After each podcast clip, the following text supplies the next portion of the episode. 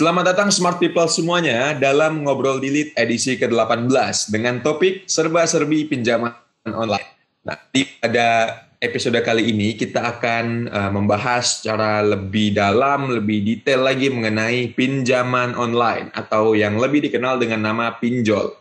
Nah, jadi kan memang dengan semakin berkembangnya teknologi kita pada saat ini, ya di saat semuanya bisa go digital dan semuanya juga bisa di uh, diselesaikan dan membuat urusan-urusan juga lebih mudah melalui uh, handphone dan juga internet.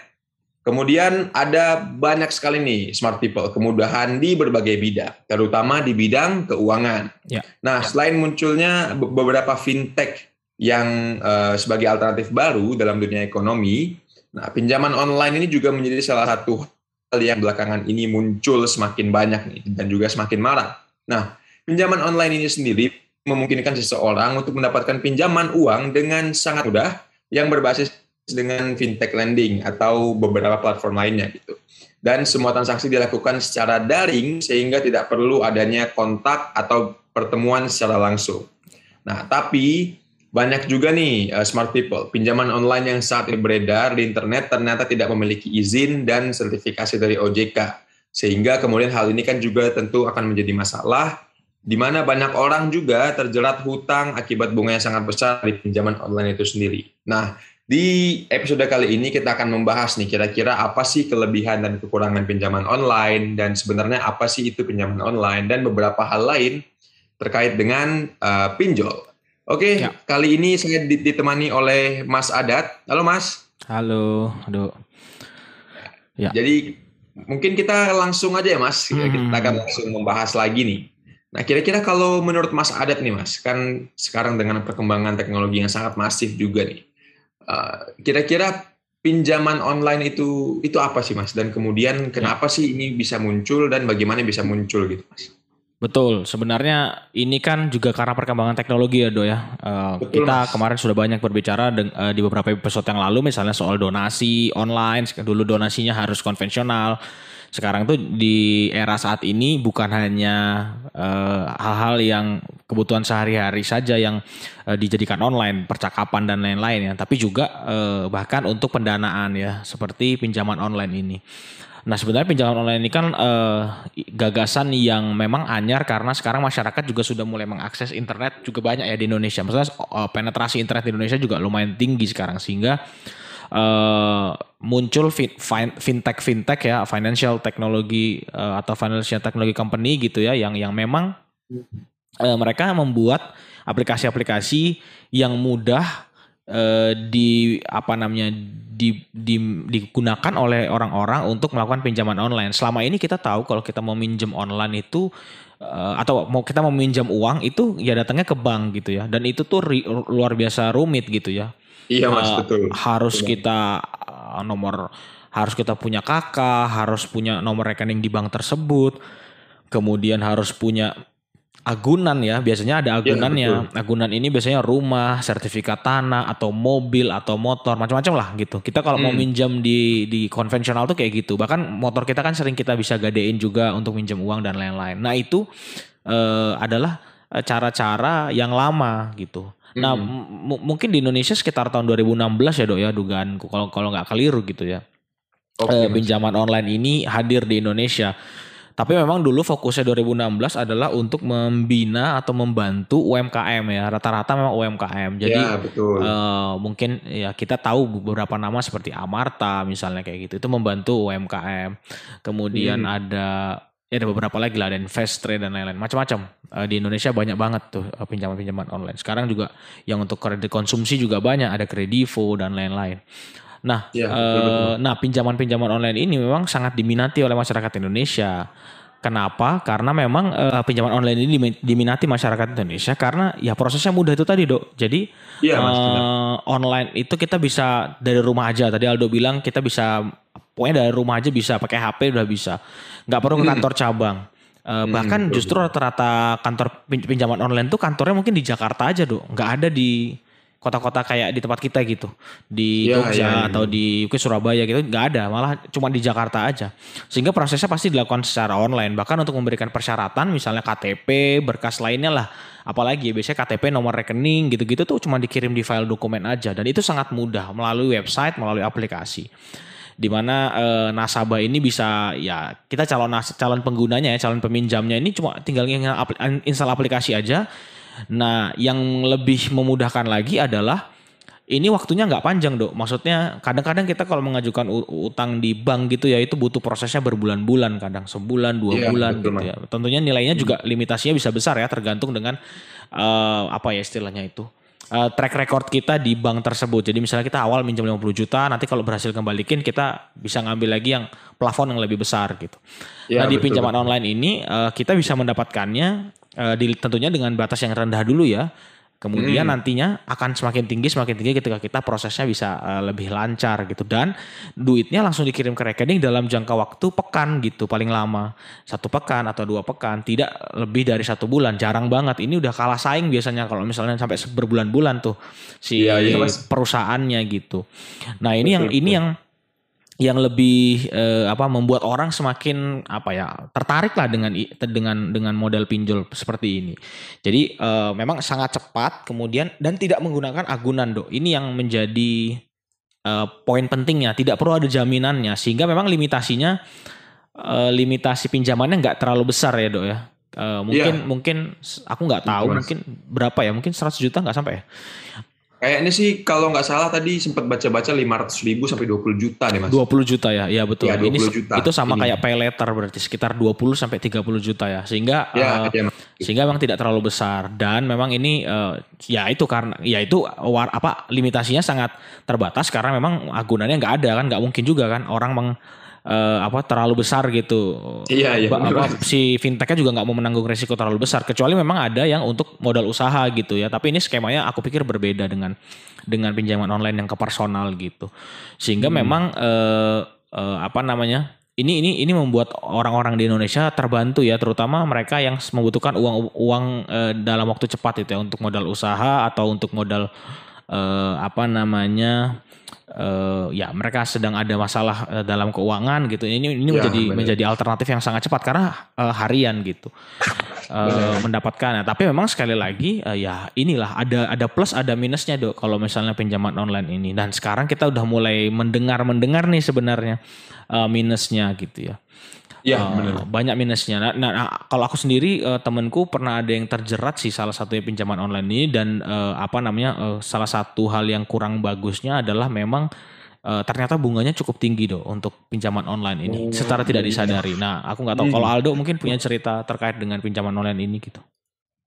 Kalau dari Aldo sendiri sih emang ini ya mas, memang eh, sejauh ini nggak pernah gitu mas. Ada mungkin teman atau kerabat yang kira-kira pernah kena ini gitu mas. Hmm. Tapi memang kalau dari yang Aldo baca-baca gitu ya mas Ya. di ini di di website gitu memang ada gitu mas kebijakan dari AFPI Hmm. itu untuk ini mas untuk em, mengatur dan juga meregulasi soal eh, bunganya ini gitu. Nah jadi kan AFPI ini kan Asosiasi Fintech Pendanaan Bersama Indonesia gitu mas. Ya.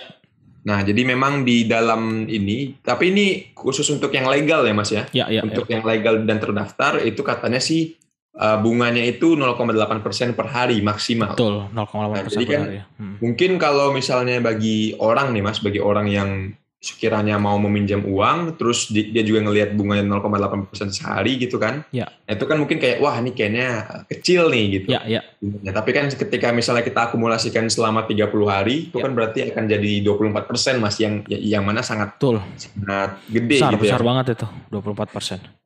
Iya, makanya makanya ini sih Mas kalau menurut aku sih memang ya salah satu tadi mungkin ininya ya Mas ya kelebihannya kan udah banyak banget tuh Mas. Betul. Jadi yang tadi sempat Mas Adat mention itu ada apa namanya eh, lebih mudah, nggak harus pakai agunan, terus Ya, juga udah bisa lewat HP aja. Tapi memang mungkin salah satu salah satu kekurangannya ya itu Mas bunganya ya mungkin ya ya gede Tinggi ya, gitu ya Mas. betul. 24 persen. Ya dan selain juga bunga yang aku tahu juga ini dok dendanya juga lumayan itu ya. Kalau misalnya yang legal ya eh, kita berbicara yang legal dulu ya. Eh, Pinjaman online Hmm. legal ini memang ada batasan bunga maksimalnya yaitu 100% dari limitasi uh, pinjamannya. Jadi misalnya Aldo minjem 1 juta ya dendanya maksimal 1 juta gitu. Tapi bunganya ya tadi itu 24% uh, dalam jangka waktu tertentu pengembaliannya sehingga kadang kadang-kadang orang juga uh, kaget gitu ya. Oh, ternyata dendanya bisa sampai 100% ya untuk denda kegagalan bayar ya. Misalnya denda ya, telat, ya, telat bayar, eh bukan gagal bayar, telat bayar ya. Telat bayar ya, berapa hari itu ada dendanya berapa puluh ribu gitu misalnya pinjaman Lebih dari juta. tenornya berarti ya Mas ya? Betul, biasanya sih tergantung ini ya, tergantung kontrak pinjamannya ya. Ada yang pinjaman ya, satu bulan, ada yang dua minggu, ada yang satu minggu. Itu sekarang macam-macam sih. Gak mesti per bulan sekarang. Makanya makanya dia menghitung bunganya kan per hari dok. Memang terlihat ya, ya, ter, terlihat kecil tuh 0,8 persen. Kalau kita uh, kecil juga ya. Tapi kalau misalnya kita kalikan 30 hari, bunganya sampai 24 persen tuh per bulan dan itu itu cukup besar ya untuk untuk sebuah pinjaman ya menurutku gitu. Jadi hmm. jadi uh, nah itu mungkin bagi para smart people juga uh, waspada harus waspada dalam menggunakan pinjaman online. Itu itu yang itu yang aturan resminya do ya. Maksudnya itu yang yeah. yang terdaftar di OJK. Mungkin sekarang ada sekitar serat lebih dari 100 uh, eh, pinjaman online ya atau fintech uh, online yang terdaftar untuk berhak meminjamkan online ke ke orang-orang yang terdaftar oleh OJK yang terdaftar di OJK sehingga nah itu dan diawasi OJK dan itu mungkin yang uh, sebaiknya teman-teman semua yang mau meminjam online ke situ aja gitu. Uh, lebih trusted, lebih jelas dia uh, berapa angka yang harus dibayarkannya, hitungannya juga jelas. Dan itu mungkin salah satu caranya ya supaya nggak terjerat uh, pinjol uh, pinjol pinjol yang ilegal. Karena pinjol ilegal ini kan nggak uh, terlindungi atau nggak terdaftar di OJK sehingga ketika kita misalnya mendapatkan perlakuan yang tidak sesuai dengan aturan begitu, nah kita bisa bisa melapor gitu ke OJK. Ada yang melindungi. Iya mas betul.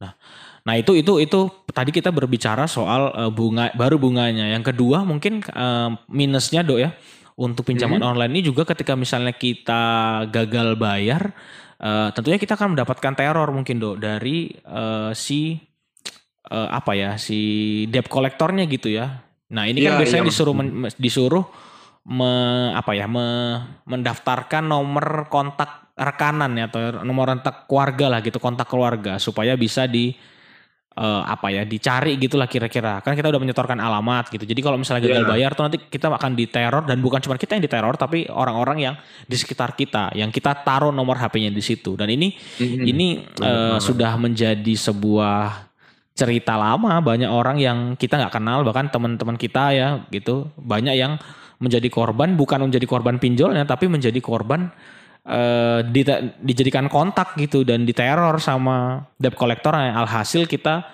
uh, stres sendiri gitu padahal kita nggak nggak minjem uang sama sekali dan itu telepon, hmm. SMS, WhatsApp semuanya diganggu se sehari-hari dan sampai itu terbayarkan. Mungkin angkanya nggak gede ya, mungkin satu juta atau mungkin lima ratus ribu pinjaman tapi nerornya kayak minjem uh, puluhan juta, ratusan juta gitu karena setiap hari ditelepon iya. terus. Makanya Iya, Mas, benar-benar. Iya, makanya uh, sekali lagi itu salah satu apa namanya? Uh, resiko ya, resiko dalam penggunaan pinjol kalau kita gagal bayar sehingga memang uh, salah satu sarannya, Dok, memang uh, kalau bisa pinjol ini kita minjemnya 30% atau kita melihat keuangan kita dulu lah katanya 30% dari pendapatan kita aja uh, pagu ya, pagunya gitu biar lebih aman karena kalau misalnya bunganya gagal bayar tuh kita masih bisa masih bisa apa namanya masih bisa menutupi dengan uh, pendapatan kita seperti itu. Itu itu banyak hmm. triknya lah gitu. Yang terakhir mungkin uh, minusnya adalah kita akan masuk uh, blacklist dalam uh, SLIK-nya OJK atau semacam sistem layanan informasi keuangannya eh, OJK tuh. Jadi kalau kita yeah. mau ngeklaim ke mana lagi gitu itu nggak udah nggak bisa nanti misalnya kita mau minta misalnya KPR KPR rumah gitu mau KPR rumah hmm. tapi di salah satu fintech kita gagal bayar dan kita masuk daftar hitam udah kita nggak bisa tuh agak sulit dan kita sulit meminta bantuan ke lembaga, kepada lembaga keuangan di Indonesia karena kita masuk blacklist uh, di SLIK OJK. Hmm. Di SLIK ini udah jadi ini ya Mas ya memang udah jadi kayak satu server utama gitu ya Mas. Betul. Nah, jadi misalnya kita memang udah nggak bisa bayar di salah satu platform pinjaman pinjaman online, ya kita akan di blacklist di semuanya betul, gitu ya Mas. Betul. Biasanya seperti Pasti. itu. Jadi ini sebagai kayak catatan aja nih orang seperti apa dan itu semuanya terbuka Maksudnya uh, Oh, kita kalau oke. kita bermasalah tuh terlihat gitu uh, bagi mereka fin, para fintech kemudian mereka yang mau meminjamkan uang lagi gitu atau apa pun lah misalnya kita punya bisnis atau apa pun nah itu akan terlihat di situ uh, skor kredit kita seperti apa. Uh, dan itu jangan dianggap remeh karena ya itu tadi kalau kita beneran butuh nantinya kita nggak bisa tuh nama kita udah di back, di blacklist dari situ. Dan kalau udah di blacklist kita harus istilahnya harus menjadi orang baru gitu. Makanya banyak orang yang memanfaatkan eh, atas nama orang lain Dok, dalam kasus ini untuk bikin Oh, iya, bikin iya, Mas. pinjaman baru karena dia udah nggak bisa tuh biasanya karena udah kena blacklist dia. Dan ini jadi problem baru lagi gitu di di di di di isu ini gitu. Nah itu tadi kita banyak bahas soal eh, plus minusnya kalau misalnya oj- apa namanya aplikasi-aplikasi yang trusted ya, yang terpercaya, yang memang itu ada di daftar OJK. Jadi itu Ya, aja benar. sebenarnya udah cukup eh, cukup berat ya dok ya eh, sanksinya gitu ya. Maksudnya dalam tanda tanda kutip sanksi ketika misalnya kita gagal bayar atau beban untuk pembayarannya gitu. Tadi bunganya gede dan dana juga gede, lumayan gede ya. Eh, Iya, Mas. Terus kita bisa kena teror kalau gagal bayar. Nah, ini yang kedua yang yang, yang berikutnya yang akan kita bahas adalah kalau misalnya eh, bagaimana ancaman untuk pinjaman-pinjaman online yang ilegal. Nah, ini Aldo mungkin Hmm. pernah dengar nggak eh, pinjaman online yang ilegal ini?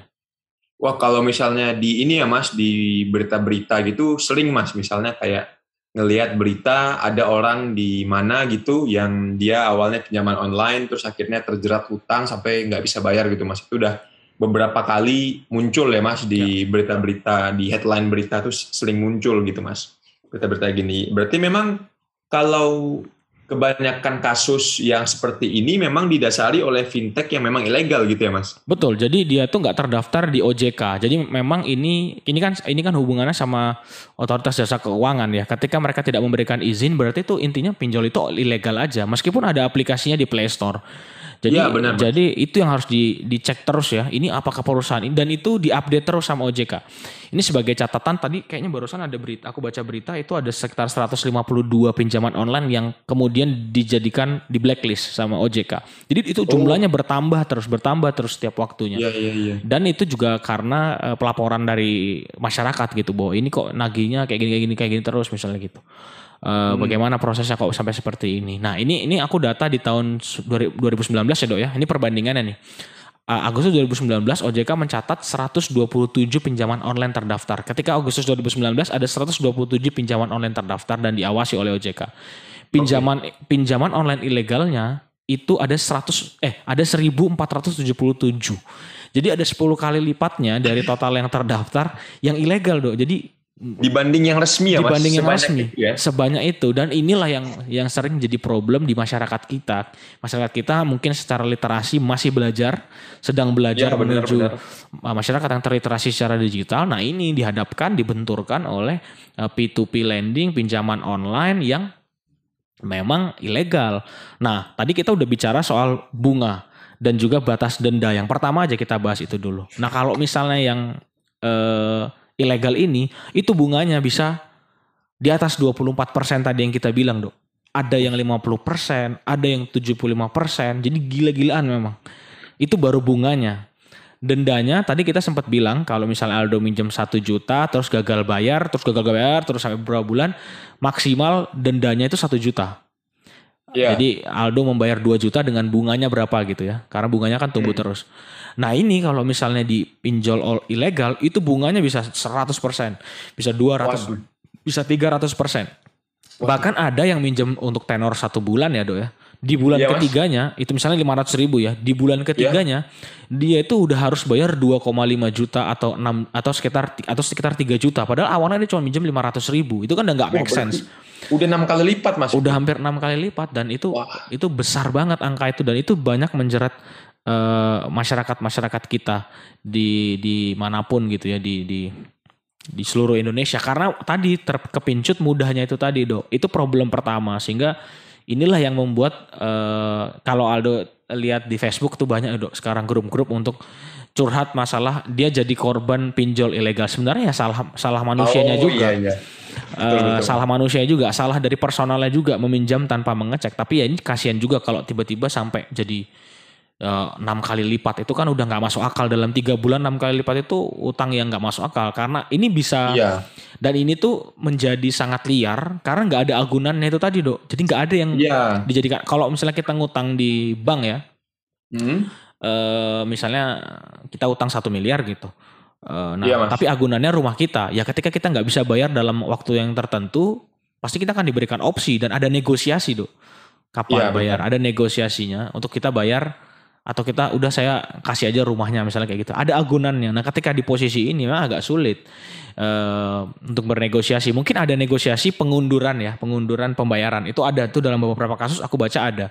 Cuma Iya. memang eh, ya itu tadi dendanya tetap jalan bunganya mungkin berhenti tapi dendanya tetap jalan. Atau sebaliknya bunganya tetap jalan tapi dendanya berhenti gitu. Dan ini ini kan tetap merugikan masyarakat. Kalau sampai enam kali lipat sampai lima kali lipat aja udah udah nggak masuk akal tuh. Utang tiga bulan lima kali lipat itu kayak bener-bener rentenir. Tapi sekarang rentenir jadi rentenir online gitu. Dan ini Iya, betul, Mas. literasi masyarakat kita terhadap eh, keuangan juga masih sangat rendah dan ini ini ini ini yang membuat eh, sangat bahaya gitu ya. Itu itu itu itu yang terjadi di pinjol ilegal. Plus satu lagi yang menjadi isu besar mungkin ini Aldo juga banyak pengalaman teman-temannya yaitu soal data pribadi. Ketika Ya, menggunakan eh, pinjaman online atau fintech yang memang resmi dari OJK, data kita setidaknya itu terjamin.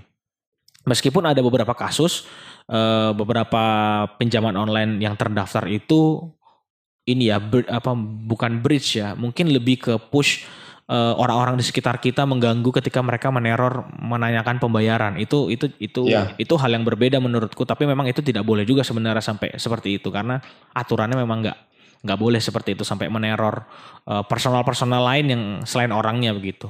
Eh, nah itu itu itu kalau misalnya di pinjol yang eh, legal. Nah kalau pinjol yang ilegal ini kita tuh kan kalau misalnya mau daftar ilegal tuh yang eh mau daftar pinjol itu kan kita disuruh foto KTP dok. Foto Mas, KTP kemudian foto kita dengan KTP. Iya. Nah ini eh, data ini ini sering disalahgunakan oleh banyak orang. Jadi mungkin secara tidak sengaja kita mau punya foto yang ada KTP-nya dan ada eh, apa namanya? Ada orangnya ya. Iya, Mas. Ada ada ada foto, ada orangnya dan juga ada KTP-nya. Nah ini dimanfaatkan oleh orang lain untuk meminjam atas nama kita. Nah di pinjol-pinjol yang resmi nomor rekening dan nama rekening yang diajukan itu harus sama dengan Iya, iya. nama iya. kita yang mengajukan. Jadi misalnya Aldo minjem eh minjem ya nama nomor rekeningnya harus Aldo juga. Harus Iya, iya. karena kalau nggak nggak akan di ACC. Nah di pinjol ilegal itu bisa dialihkan ke orang lain beberapa. Jadi bayangin minjem atas nama Aldo tapi nomor rekeningnya dat- dat- data dirinya data dirinya Aldo tapi nomor rekeningnya dikasih ke orang lain atas nama orang lain gitu. Dan ini sangat-sangat udah gila sih menurutku ini ini ini ini sangat problematis karena eh, bayangin aja kita bisa minjem atas atas nama orang lain gitu ya. Apalagi sekarang Berarti banyak memang kebocoran se- data. Se ini ya Mas memang udah se apa ya Mas maksudnya seberbahaya itu ya. Seberbahaya Bahkan itu. Betul. Mungkin kan orang-orang juga kurang aware ya Mas dengan hal-hal ini ya. Ya. Nah, tadi juga Mas Adat juga sempat mention ada ribuan ya Mas 1400 apa namanya em, fintech eh fintech apa pinjaman online ilegal. Nah, itu kan memang udah 1400 dan mungkin dari satu platform aja Mas itu udah bisa kena berapa orang gitu ya Mas. Betul. Apalagi berarti udah berarti kalau misalnya kita bisa bilang mungkin sudah puluhan ribu gitu ya Mas yang Ya, udah ya. kena seluruh Indonesia gitu. Iya dan data-datanya juga nggak secure Mas. betul. Yang tadi. Dan Betul. itu data-datanya disebar di sosial media, Dok. Ya, Wah. salah satu grup korban pinjol Bener. itu aku pernah masuk ke dalamnya iseng nyari gitu ya. Itu total uh, orangnya kalau nggak keliru ya nih 150 ribu. Pak, peng- 150 ribu Mas. orang yang ada di forum itu itu baru satu forum loh ya. Mungkin ada Wah, banyak forum lain. Wah, 150 ribu iya, iya, dan iya. itu akunnya sangat aktif setiap mungkin setiap menit ada yang posting, Dok. Ngeluh apa segala macam. Ya kayak kalau Aldo tahu info cegatan Jogja ya di Ya di tahu itu. Mas. Itu kan setiap menit kan ada aja orang nanya apa, ada info ini, ada info itu. Ya itu se seramai itu dan itu menurutku eh, di satu sisi cukup ini ya mengerikan sebenarnya fenomena. Dan itu dia memang pinjol rata-rata pin, yang aku baca di situ adalah mereka yang korban-korban pi- pinjaman online atau perusahaannya itu nggak terdaftar di OJK. Wah, jadi dilema juga ya Mas sebetulnya ya. Ya, Memang ya. jadi masalah baru ini Mas. Iya.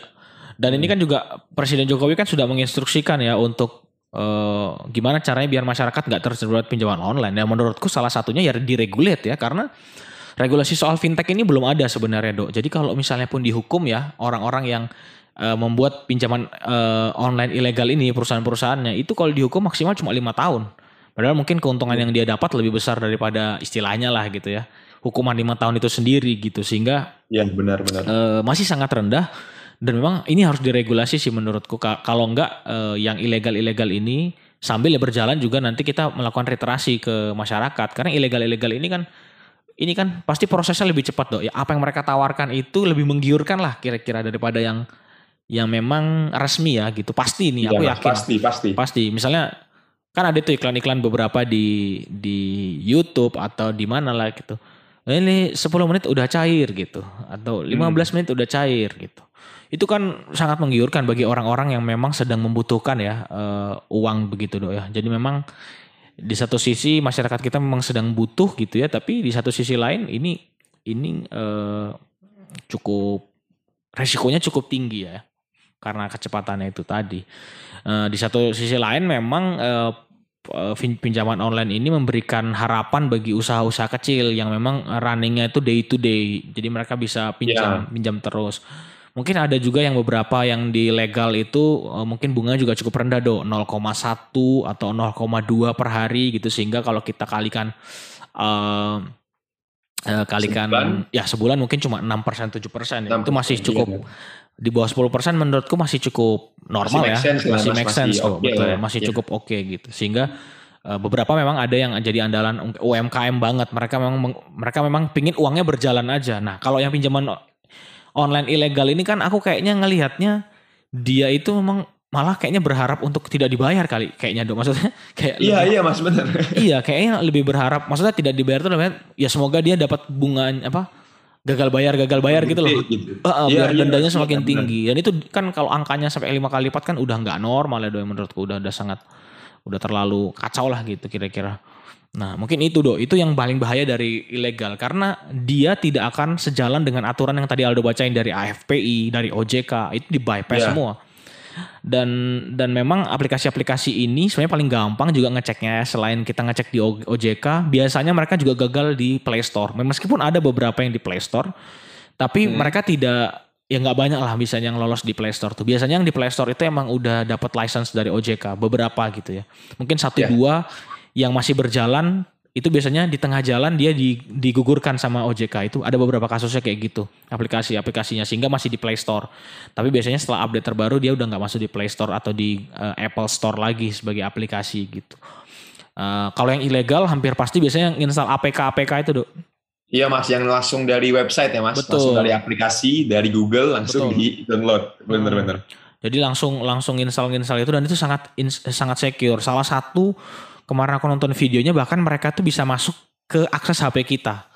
Jadi itu lebih mengerikan lagi gitu. Jadi Masuk ke HP HP kita gitu. iya karena kan permissions kan permission kita kan kita buka dok gitu. Oh iya betul betul ya. Nah, permissionsnya itu kalau misalnya yang normal ya di HP-HP kita itu permissionnya terbatas ketika kita mengirimkan data ke sana. Jadi misalnya Iya, kita benar, mengirimkan data, eh, kita mau eh, kita mau buka allow untuk membuka galeri ya ketika kita kita pakai aplikasi itu aja baru eh, kita akan kita akan di apa boleh me- mengirimkan gambar yang ada di galeri itu, mengirimkan kita yang memberikan allowance gitu.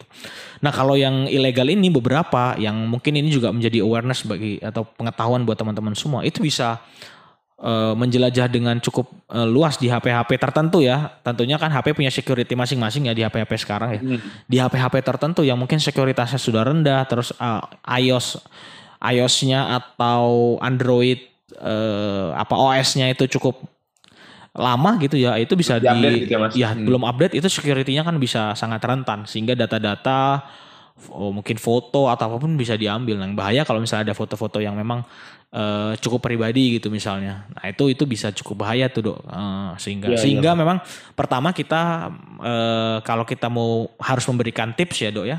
Ini Iya. mungkin Aldo ada tips apa kira-kira yang yang harus dilakukan atau dijalankan oleh teman-teman semua supaya terhindar dari bukan terhindar sih sebenarnya menggunakan ini dengan bijak lah kira-kira begitu. Kalau menurutku sih mas sebenarnya pinjaman online ini tadi ya uh, balik lagi seperti kata Mas Adat memang ada positifnya gitu ya Mas. Kadang kan kalau misalnya kita ngomongin pinjol ini kan udah yang negatif-negatif nih Mas ya. gitu. Nah, tapi kan memang untuk memaksimalkan sisi positifnya tadi, kita yang pertama mungkin harus Mas ya, yang tadi Mas harus banget wajib ngecek apakah dia terdaftar dan tersertifikasi dan pokoknya ada izin dari OJK langsung Mas gitu. Itu yang menurutku paling penting. Karena kan memang regulasi-regulasi yang tadi juga sempat uh, aku sebutkan itu memang ya. hanya berlaku pada uh, tempat atau platform yang diawasi dan diizinkan oleh OJK. Hmm. Nah, jadi itu mungkin hal yang paling penting Mas dan harus banget pertama tuh yang harus dicek. Terus yang kedua ya ini sih Mas memang jangan tergiur dengan apa ya syarat-syarat yang lebih simpel, terus pencairan yang lebih cepat. Tapi ya memang kita harus yang jadi utama keamanannya gitu Mas. Betul.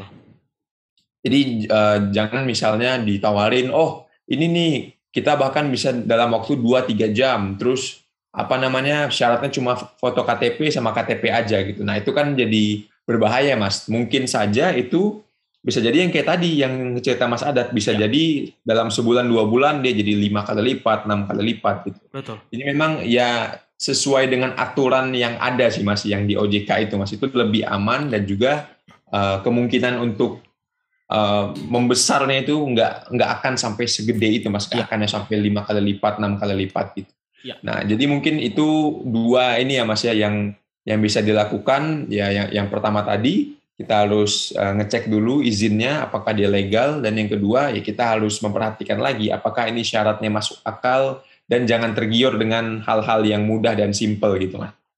Iya betul dan memang uh, sekali lagi kita juga apa ya dok ya memang uh, harus harus lihat apakah ini benar-benar kita butuhkan atau enggak pinjaman online ini sebelum nah, iya, mas, sebelum betul, kita betul. memilih sebelum kita memilih untuk meminjam gitu ya karena eh, nanti kalau sudah mau minjam kita harus pastikan uh, yang legal lah, yang resmi gitu ya. Meskipun memang hmm. mungkin tawarannya tidak semenggiurkan yang ilegal ya, tapi resikonya juga ya tentunya pemerintah dan juga regulator itu punya uh, punya batasan yang cukup baik lah ya untuk menghindari hal-hal yang lebih buruk terjadi. Maksudnya tidak kolaps saja gitu orangnya ketika yeah. di bagian itu. Nah itu juga kita harus mengukur apakah kita cukup mampu atau mengembalikan uangnya ini gimana. Jangan memang kebutuhan-kebutuhan konsumtif aja yang kita kita pakai membeli untuk pinjaman online ini karena kalau konsumtif aja kemudian kita nggak produktif juga untuk mendapatkan uh, pendapatannya gitu ini juga akan jadi bahaya gitu karena kita mau bayar pakai apa karena sekarang juga banyak pinjaman online yang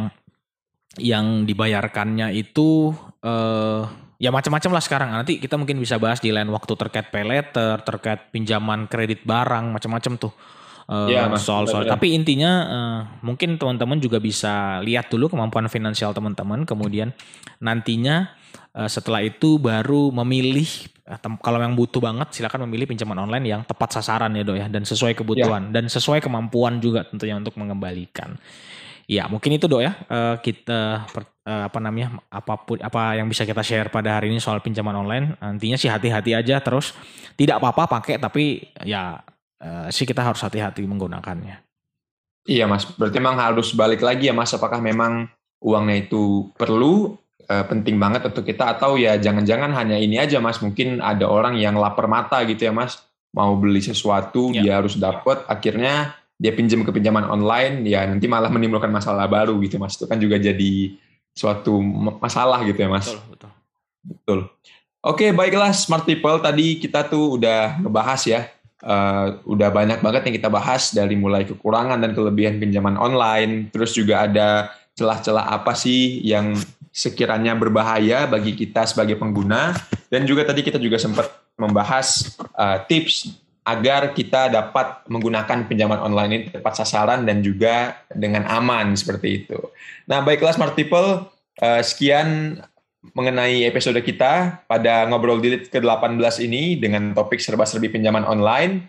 Um, so, uh, terus kemudian minggu depan kita akan kembali lagi dengan topik-topik yang pastinya uh, lebih update lagi dan juga lebih hangat lagi. Baiklah, smart people, terima kasih semuanya. Bye-bye. Bye.